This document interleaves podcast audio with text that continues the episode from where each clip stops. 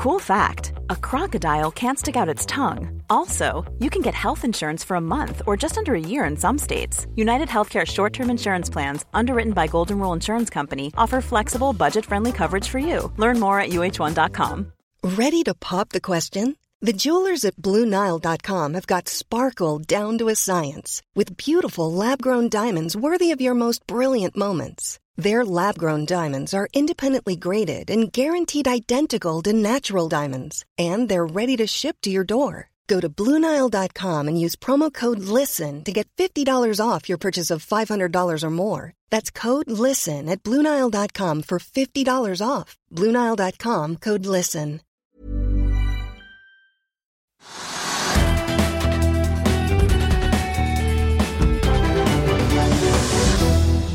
Velkommen til Økonominyhetene og velkommen til en ny uke her hos oss i Finansavisen. Det har blitt mandag 5. desember, og vi sparker i gang uken bl.a. med ferske boligpristall. Vi har straks med oss både Trygve Egnar og sjefen i privatmegleren Grete Meier. Men la oss ta en kjapp tid på markedet aller først og noen av nyhetene som har preget dagen. I Asia var det flere indekser i dag som så en solid oppgang, inkludert Hang Seng-indeksen i Hongkong, som steg nesten 5 og den brede SMP Asia 50-indeksen tikket opp litt over 3 da på nyheter om lettelser i koronatiltak tiltakene i Kina. Nikkei-indeksen i Japan så vi tikke opp 0,2. Hovedindeksen på Oslo Børs den falt 0,45% samlet sett i forrige uke. og I dag har vi sett litt svingninger, men utover dagen så har det hentet seg inn. og Vi ligger nå opp nesten 0,6% nå når det er et par timer igjen av børsdagen. Oljeprisen har også hentet seg kraftig opp utover dagen. Vi så jo Nordsjøoljen ende på 85,90 i spotmarkedet på fredag. og I dag har vi tikket oppover hele 2 dollar til 87,90. opp nesten nesten da 2,5 og den amerikanske lettoljen er opp 2,5 da, til 82,20. Petronor meldte i morges at de nå ser økt produksjon i desember, og det løfter deres aksjer med nesten 4 i dag. Og så er Pareto Securities ute og nedjusterer kursmålet sitt på fornybarselskapet Bonheur fra 410 til 360 kroner aksjen, men de gjentar fortsatt kjøpsanbefalingen. Grunnen til nedjusteringen er da disse nye ekstraskattene i Storbritannia, også kjent som windfall-skattene. Aksjen ligger og trader på en 290 kroner. Så har vi et nytt solselskap eh, som ønsker å komme seg inn på Oslo Børs. De har tette selskaper til et selskap som mange kjenner fra før, nemlig Eam Solar. Energia driver solparker og vil hente inntil 100 millioner eh, kroner. Og eh, det er jo da Viktor Jacobsson, som også er sjef i Eam Solar, som er sjef i dette selskapet også. Emisjonen starter nå og lukkes i morgen ettermiddag. Børsdebuten skal etter planen skje 13.12. med hjelp da fra Norne og Fearnley. La oss i Finansavisen hjelpe deg med å holde deg oppdatert på alt som skjer i finans og næringsliv. Hver morgen er jeg, Marius Lorentzen, og aksjekommentator Karl Johan Månes på plass i studio for å ta tempen på dagens marked i Børsmorgen. På ettermiddagen oppsummerer vi alt du trenger å vite i Økonominyhetene, og så får vi selvfølgelig besøk av masse interessante gjester. Du finner oss på fa.no-tv, eller ved å søke opp Børsmorgen og Økonominyhetene der du hører på podkast. I'll see you in court.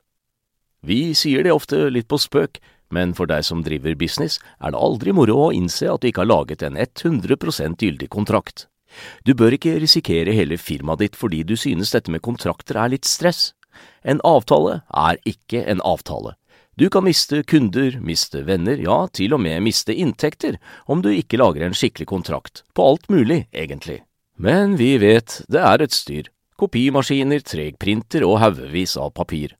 Dessuten stoler vi jo på folk her i landet. Det er ofte litt kleint å skulle be om en signatur for alt mulig, ja, for mye av styret handler også om jakten på underskriften. Det finnes en enkel måte å løse dette på, Dukkobit, en trygg, effektiv og get this, gratis måte å sikre seg en god natts søvn pluss en juridisk bindende avtale. Dukkobit-appen har de strengeste sikkerhetskrav i bunn, samt en EU-godkjent og sertifisert teknologi. Framover vil det bli behagelig å spørre du, skal vi skrive under på det, eller? Kom i gang på dukkobit.no.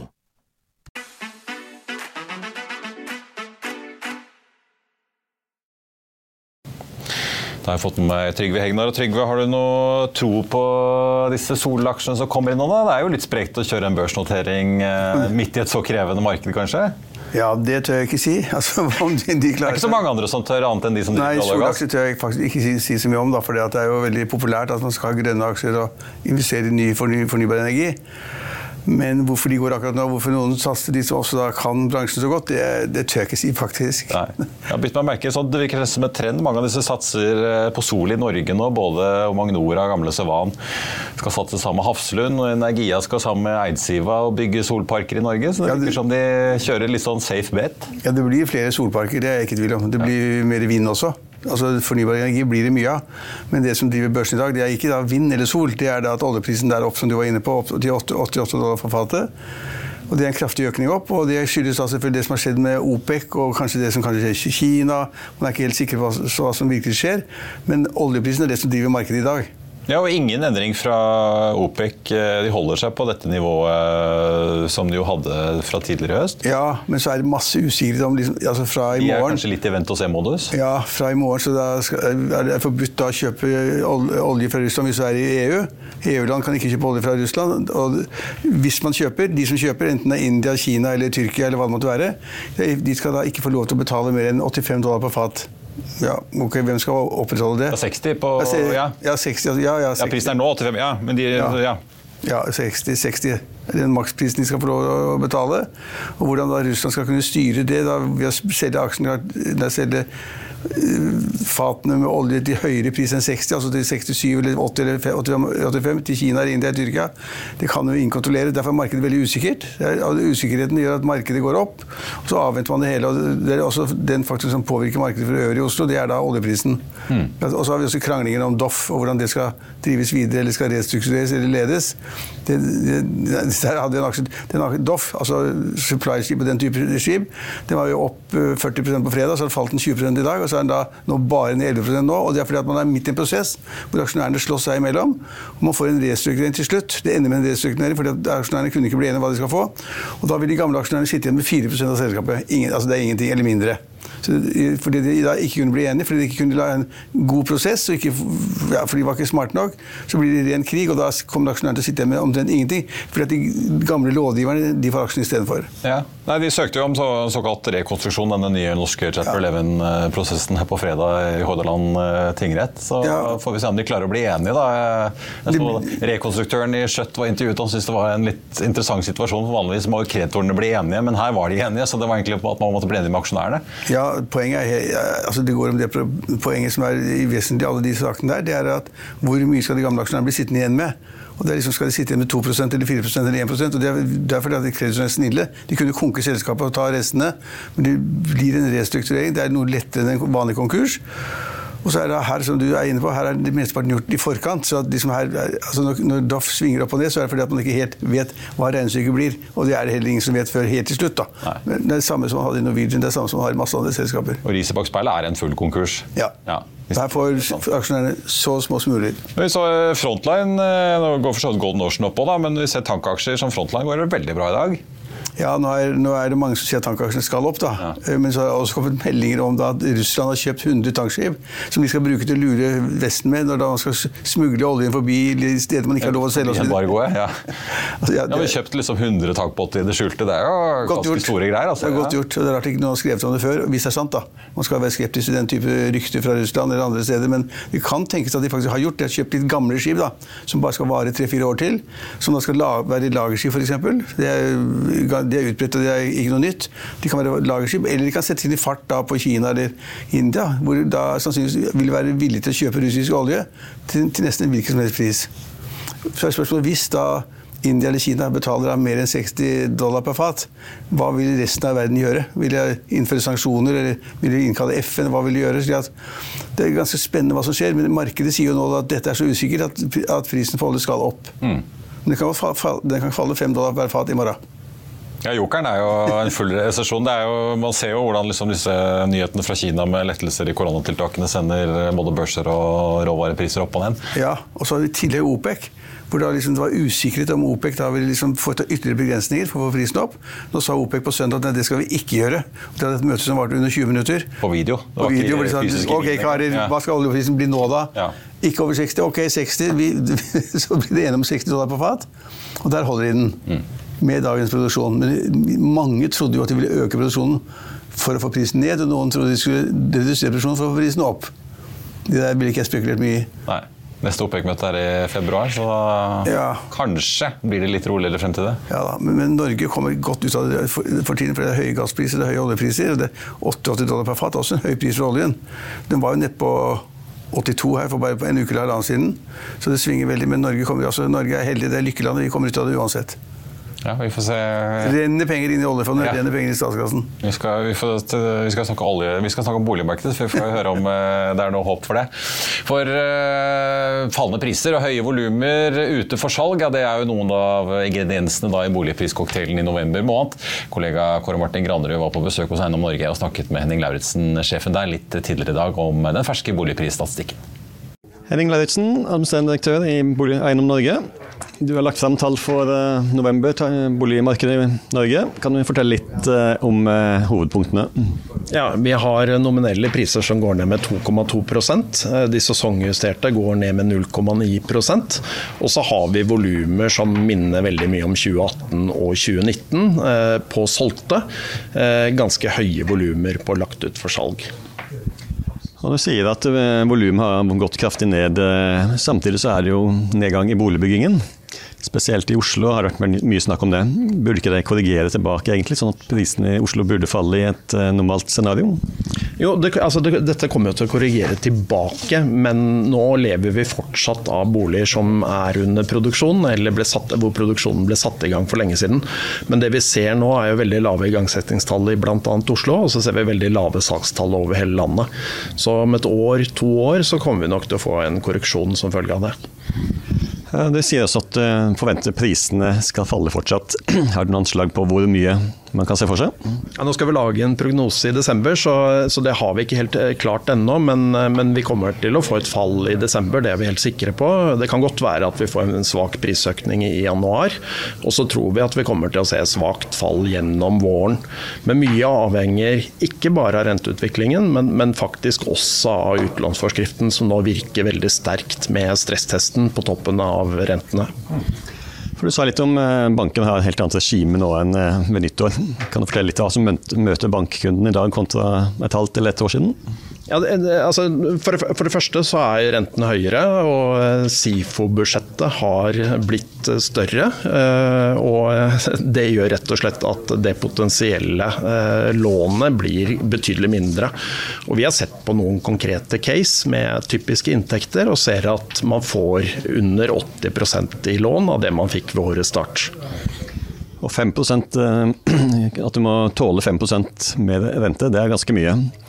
Eh, hvordan eh, ser dere på det? Er det for høyt, eller syns dere det er et rimelig anslag?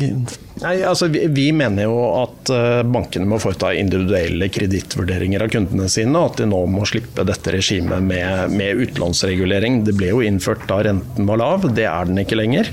Og I tillegg så kommer det en ny finansavtalelov fra årsskiftet som stiller, altså forbyr bankene å gi lån til de som ikke har tilfredsstillende betjeningsevne. Så er jo eh, spørsmål nummer én i, både på firmafest og julebord om dagen. Skal eh, rentene opp, nei, boligprisen opp eller ned? Og vil man eh, helst vente med å kjøpe eller selge bolig, eller skal man gjøre det i dag? Jeg, jeg, jeg, tør aldri å gi den typen privatøkonomiske råd. Jeg pleier å si at man bør kjøpe en bolig når man trenger den, innenfor et budsjett man har råd til. Så ser man også på tallene at det er veldig stor forskjell på byene i Norge. Eh, Oslo, Bergen og Trondheim går dårlig, mens Stavanger og Kristiansand gjør det ganske godt. Hva er grunnen til at det går veldig mye bedre i Stavanger og Kristiansand? Og vil det fortsatt være, eller er det en forbigående effekt? Det, altså, hovedårsaken er nok en slags kombinasjon av at det går veldig godt i arbeidsmarkedet, et veldig sterkt gass- og oljenæring, eh, samtidig som man på mange måter kan si at det er et element av underprising i begge markedet. Eh, Stavanger pga. oljekrisen, eh, Kristiansand delvis også pga. oljekrisen. Så da er det på vei tilbake. Jeg tror nok ikke, jeg tror markedet kommer til å fortsatt å være sterkere enn resten av Norge også i årene, de nærmeste årene.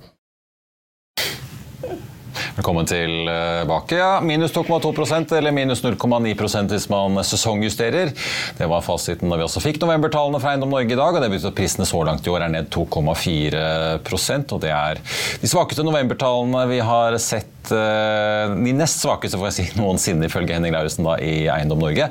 I Oslo falt boligprisen 1,3% fra oktober til november, og det er det kraftigste novemberfallet vi har fått siden finanskrisen 2008. Og Det verste fallet da var altså på 4,2. Velkommen, Grete Meier, styreleder i Eiendom Norge, holdt jeg på å si, på deltid, og eh, administrerende direktør i Privatmegleren på fulltid. Yep. Var du overrasket over prisfallet? Nei, jeg må si jeg var ikke det. Det er egentlig det vi har sett også fra og meglerne rapporterer inn. Det er, de må justere ned prisene nå jevnt over. Ja, for jeg så Handelsbanken var ute og de hadde ventet et fall på halvannen prosent, så endte det da på 0,9 eh, sesongjustert. Eh, Men de påpekte jo at eh, det er likevel et kraftigere fall enn Norges Bank har lagt til grunn. Ja. Ja. Men Handelsbanken hadde litt svakt forrige måned igjen, så nå tok de litt ekstra. Ja, sant, ja. For å være på den sikre siden. Men jeg tror nok det var ganske det vi i bransjen forventet, i hvert fall. Ja. Men disse makroøkonomene i Norges Bank og sånn, de er ikke helt uh... Jo da, det har de, jeg skal ikke si at ikke de treffer ofte, det er ikke det. Men det er klart, det er noe med når du sitter med beina i det hele tiden og kjenner på hva meklerne sier. Så Det begynner å bite nå, Trygve? Ja, men altså, man treffer jo ikke, altså, man treffer ikke boligprisene spot on. Det gjør man ikke. Nei. Det er såpass stort Men begynner renteøkningen å bite Ja, det, det er stor slingringsmonn, men det begynner å bite ganske kraftig. Ja. Dessuten fikk vi et forvarsel for en uke siden da Obos-tallene kom. Ja. vi jo et fall på 4,7% Så var det litt at de var litt for høye uken før, eller noe sånt, men, men, men når de kom med 4,7, da tenkte jeg Ok, da kommer da resten av bransjen med fall på rundt 2 sånn, og, så, og det ble det også. Ja. Så, så vi er i en nedadgående trend. Rentene biter, folk er usikre. I tillegg kommer til at liksom, hvis det bare hadde vært renten som var liksom variable i regnestykket, så kunne man tenke seg mange regnestykker. Men her er det da både høyere strømpriser og høyere matpriser, og alt er galt. Og, og realen, inflasjonen er for høy, så at real, reallønnsveksten er lav. Folk føler at de har mindre å rutte med.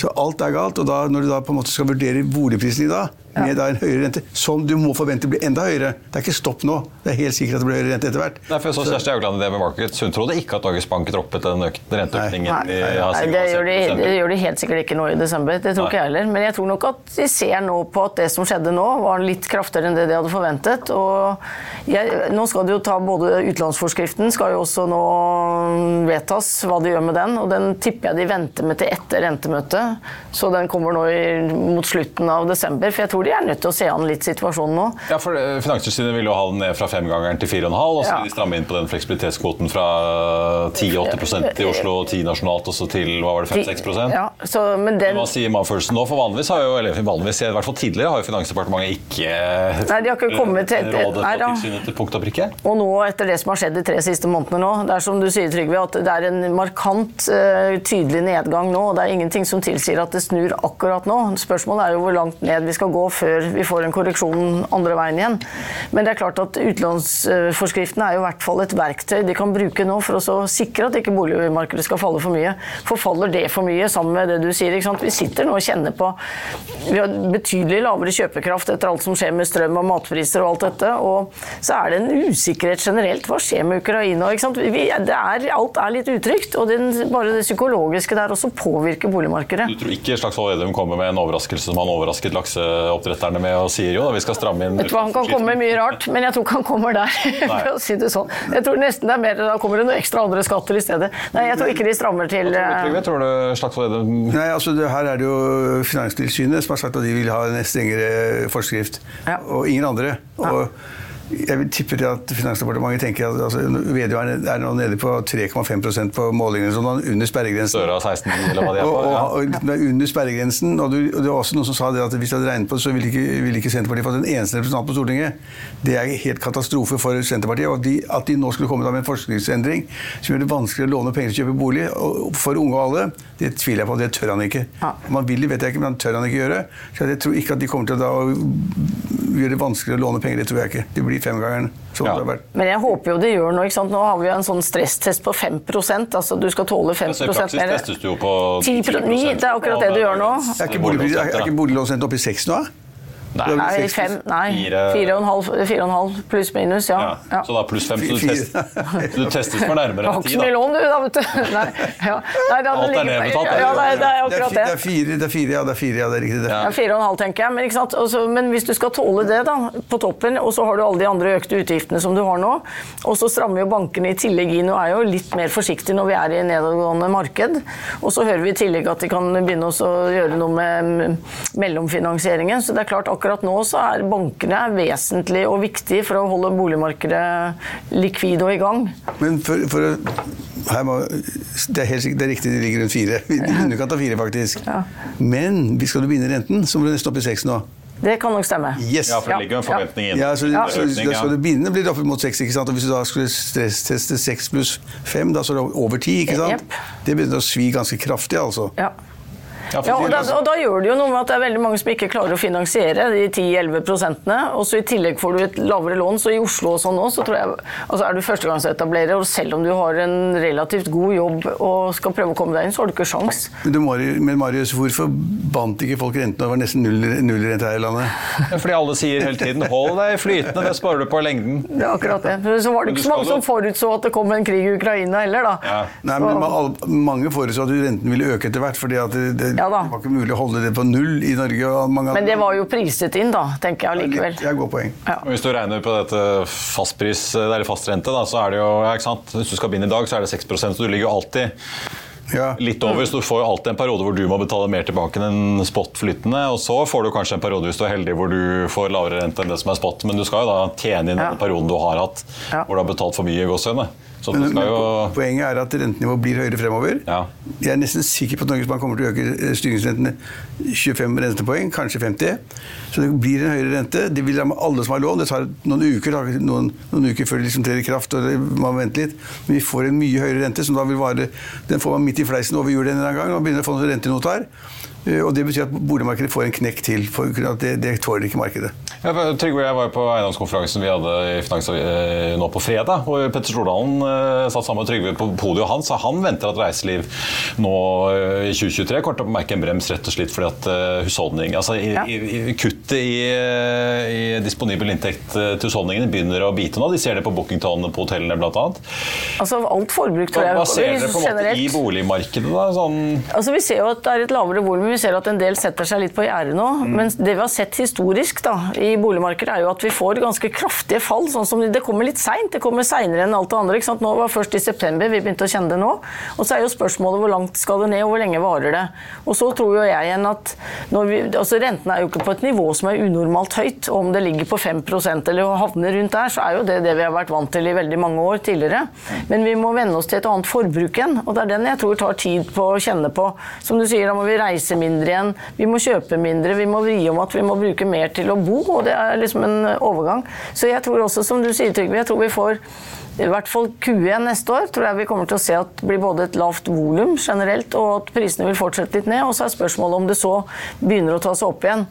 Det som er det vanskelige med boligmarkedet, er at det ligger et behov for boligbytte. ikke sant? Sånn om vi får barn, ikke sant? alt dette.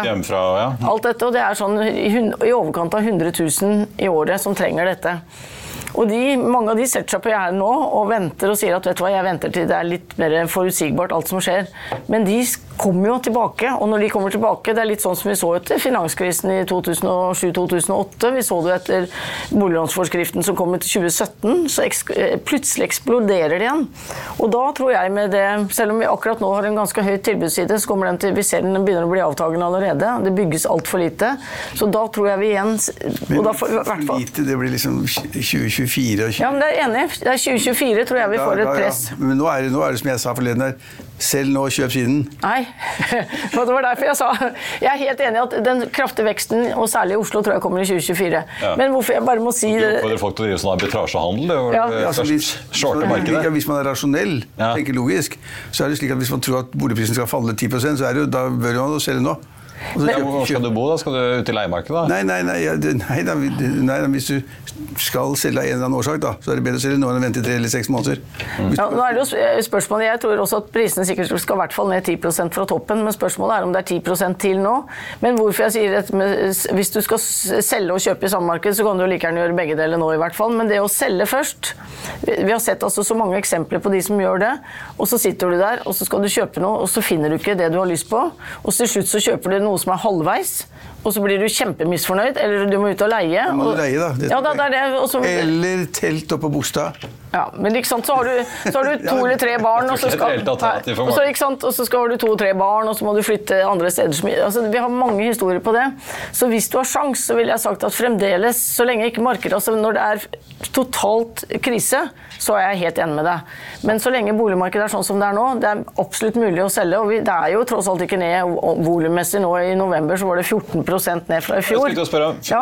Antall solgte boliger, da. Det er slett ikke ut, godt. Det er litt ned, men ser du på solgt, så er det altså 14 Ja. mot november i fjor. 10 så langt hvis du tar januar til og med nå november. Det er akkurat ligger det. 10 i volum under eh, fjoråret. Det er ganske betydelig nedgang i på- antall transaksjoner. da. Ja, men så må du huske på at i fjor var et helt ekstraordinært motsatt vei, som hadde vel en vekst på 8-9% mot året før igjen. Så vi er liksom tilbake til et normalt eh, volum fra før pandemien. Mm. Så det er derfor jeg tror at vi må ikke lage noe sånn skrekkscenario nå. Og det er derfor jeg sier også, derfor mener jeg fremdeles jeg, kjøp før du selger. Det er mitt viktigste råd. Sånn for, et, for en normal eh, Ja. Til slutt litt sånn på, på bakken, hva er det dere ser sånn som bankene, hvordan agerer de da? Gir de mellomfinansiering? Altså, for det er jo noen sånne mekaniske ting som er ganske viktige for å holde yep. transaksjonene gående, da, Altså ikke bare alle fryser og ingen, ingen tør å gjøre noen ting. Vi opplever ikke at bankene har skrudd inn på mellomfinansiering enda. Det gjør vi ikke. Men vi opplever at veldig mange som har, har hatt et finansieringsbevis som nå har gått ut, og siden de hadde på 10 millioner, så er det nå nede på 8. Så det er ganske vesentlig fall i det du får i lån nå. Og det er klart at det vil påvirke i forhold til hva man har anledning til å kjøpe. Og det er derfor jeg sier at hvis du er førstegangsetablerer og skal prøve å komme deg inn nå med en inntekt osv., så, videre, så er det tøft å finne noe som i det hele tatt du har råd til. Ja. Men det som vi også har nå, og det kommer alltid når, det er litt, eh, når boligmarkedet går nedover, så kommer det også forsikringsordninger som gjør at man kan kjøpe forsikring på hvis man ikke får solgt da, og har kjøpt først og ikke får solgt, som dekker de doble rentene du vil ha da i den perioden til du får solgt. Så det fins sånn sett så, for å gjøre også bankene tryggere. For det er jo skrekken til folk, er å bli sittende plutselig med Ja, ja, men det er alltid kjøpt noe nytt, og så får du ikke solgt det gamle, ja. Helt fra jeg var ung, så har folk sagt 'selg først og kjøp etterpå'. ja. Det er lurt å selge først, og du vet hva du har, hva du kan, hva du, hva du kan betale. Ja, jeg, jeg skjønner jo tanken din og prinsippet. Jeg bare Arbitrasje ser på pluss for sunn fornuft blir det. Selg først, kjøp etterpå. ja. ja, Jeg er ikke enig med deg. Det er vel den skrekken folk fort har hvis de begynner å høre vel... Ja, jo, men jeg, jeg ser det i forhold til hva du tenker i forhold til hva jeg har å kjøpe for. Nå er, har vi bo, I Norge nå så går det så fort å altså, få kjøpt eller å få solgt. Vi er jo det mest eh, åpne markedet fordi vi har en portal med Finn som alle går inn på og ser hva som ligger ute. Men jeg, det er bare at hvis du, sånn som i de tider vi er akkurat nå, så er det ikke gitt at du finner det du ønsker deg. Og det er derfor jeg er så redd for å gi et sånt råd, for vi har sett så veldig mange eksempler på det.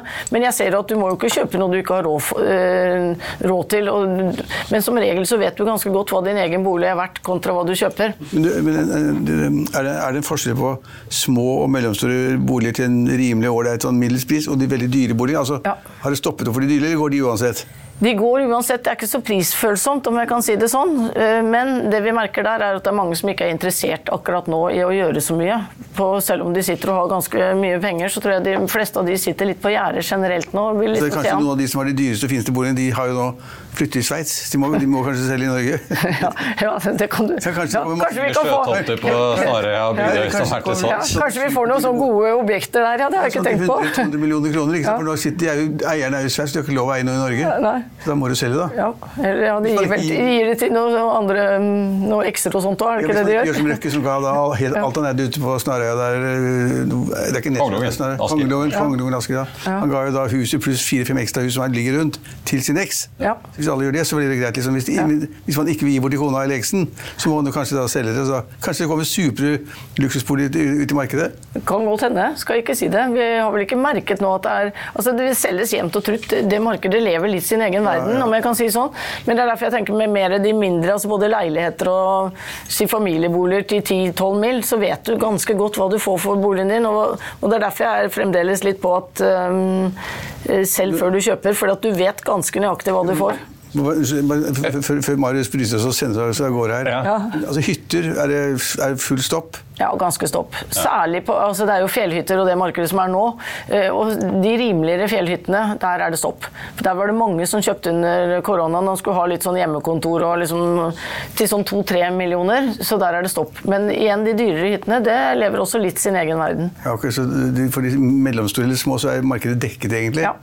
Ja. Ja, og så er det nok noen som har kjøpt da fordi de hadde en rente som var nærmere null, og så kjenner litt på nå, så blir det, og så kommer strømprisene på, to på toppen, og så blir det dyrt å ha de, så det er mange som ønsker å kvitte seg med hyttene nå. Så vi har veldig mye hytter i porteføljen. Ja, Lager av Ja, hytter veldig, øker altså. veldig, veldig. To avvik som jeg bare lurte på, Grete, til slutt. Eh, Vi ser jo fall i Bergen, Trondheim, Oslo. Men Kristiansand og Stavanger, der stiger prisene. Ja. Er det, er det oljebonanza som holder liv i Ja. Sørlandet og Vestlandet? Ja, Det er litt det samme som vi ser tilbake til når vi hadde forrige oljeinvesteringene som var. og Det jeg er litt redd for nå, er at det fortsetter å stige ganske mye. Og villigheten til å betale godt der nede er der, for at nå er det arbeidsplasser igjen. Men også Kristiansand, altså. Kristiansand har blitt dratt ned, ja, Kristiansand uten tvil har blitt dratt ned mye med dem. Men så skal det også sies at Kristiansand har ligget veldig lavt i pris i veldig mange år. Så de har nok fått litt nå, men de blir dratt også av eh, olje. Ja. Og så har du Drammen. Det stedet hvor man alltid kjørte igjennom. ja. Hvor jeg vokste opp, Nå stopper man, ja. Kjøpte vi for forbi Drammen. Skulle, fin sånn skulle på. Sørlandet og feriere i to måneder med familien. ikke sant? Og da nå, er, nå er Drammen en av de byene sammen, altså Kristiansand og Stavanger og Drammen, det er den Ja. byen som liksom øker mest i pris. Ja. Og så kommer vi til å se, ikke sant, og har med Hvorfor er det sånn? Er det fordi at det er blitt en sånn forstad til Oslo, eller? Jeg tror nok det. at Vi ser at alle områdene nå rundt Oslo har jo gått mye. ikke sant? Du ser Tønsberg, eh, Fredrikstad og Nå tror jeg vi ser når vi får dobbelt, nå har vi fått dobbeltspor inn til Ski og Ås. Ja. Og da ser du plutselig at Moss begynner også å le på seg, for da kan du ta Og da renner det liksom på neste Ja, det, er, ikke sant? Da tar du bilen fra Moss og inn til eh, togstasjonen, og så parkerer du der. og Så det blir en del sånn med infrastruktur er med å påvirke boligprisene ganske mye. Ja. Det er vel Hønefoss som er det neste. Ja, det tror jeg ikke. Det, det, det det, da, ja, da, det tror jeg før jeg nesten går av. Hvis du har litt lange penger, så skjer det vel noe på en eller annen gang der. Nei, altså det er... Nei, det tar lang tid, tror jeg. Sykt lang tid. Marius, det blir ikke i vår tid. Altså, det var men, Men, men, men, men, men, men eh, Jeg holdt på å si, hva var mitt poeng nå? Nei, det kan du glemme. Men, eh, men, eh, men det er jo en linje som åpner nå. NSB åpner en ny Ikke NSB. Ja, det- det er Ski. Ja. Vi, Vi. vi. Ja. De åpner en ny linje nå i disse dager. Er det til Lillestrøm eller Jessheim, eller hvor er det? Nei, det er den til Ski, er det ikke Ja, det? det er den til Ski. Ja, det er den til Ski. Da må det bli oppblomstring på Ski, da. Ja, men det gjør det. Det bygges masse. Ski og Ås er veldig, kommer til å bli og er allerede merket det de siste par årene. For der har man posisjonert seg litt i forkant for oss å finne. Så det er vekstområder. Absolutt. Ski, det nye Drammen. Ski og Ås, ja. Og så Og så kommer du Vestby, og så kommer hele nå innover. Ja. Det kan du satse på. vet du. ja. Leilighetskomplekset ved Gardermoen. Ja. Ja, ja. Flynært. Ja. Flynært, ja. ja. Petter Meyer i Pratepanelet, tusen takk for at du kom til oss. Indeksen Børs nå opp 0,53% så det ser ut til at selv om vi har liksom sett 0,6-tallet, så ser det ut til at vi får en ganske pen oppgang på ukens første børsdag, etter fallet på en snau halv prosent da i forrige uke. Rundt hos Europa så er det ellers litt blant i dag, både i eh, Paris og Frankfurt så er børsene ned en 0,6-0,7 mens eh, både i Storbritannia og ellers rundt oss i Norden så er det også grønt i dag. Futures to Wall Street de peker mot en svak eh, nedgang da etter at vi fikk de overraskende sterke jobbtallene fra USA da på fredag ettermiddag, som både viste en sterkere jobbskaping enn ventet, og også da en sterkere lønnsvekst enn ventet. Årsveksten ligger nå på rundt 5 da i USA. Nordsjøoljen opp eh, godt over 2 til 87,80 nå i spotmarkedet. Den amerikanske letteoljen VTI ligger på 82,20, også opp da 2,5% Det skjer jo da etter at OPEC valgte å sitte stille i båten, samtidig da som EUs oljeembargo og dette nye pristaket som G7-landene og EU har blitt enige om etter at Polen til slutt eh, takket ja, på da 60 dollar eh, fatet mot russisk råolje fraktet inn på skip.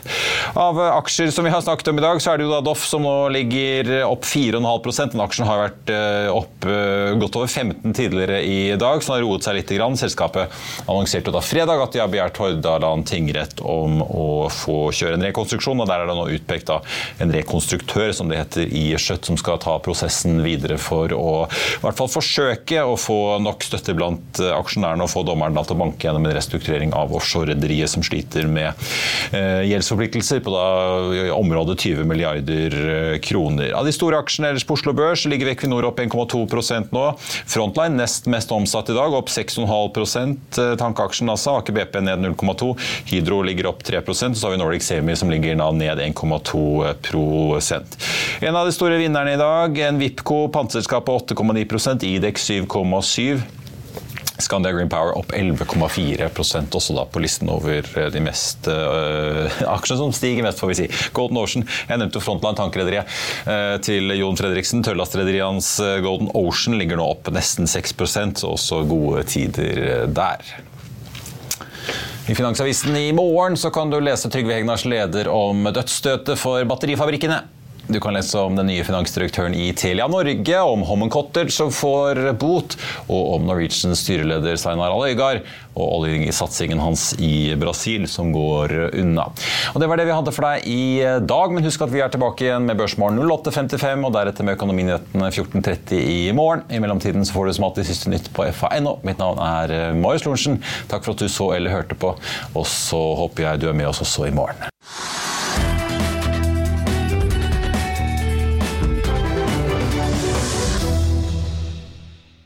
Økonominyhetene er en podkast fra Finansavisen. Programledere er Marius Lorentzen, Stein Ove Haugen og Benedikte Storm Bamvik. Produsenter er Lars Brenden Skram og Bashar Johar. Og ansvarlig redaktør er Trygve Hegnar.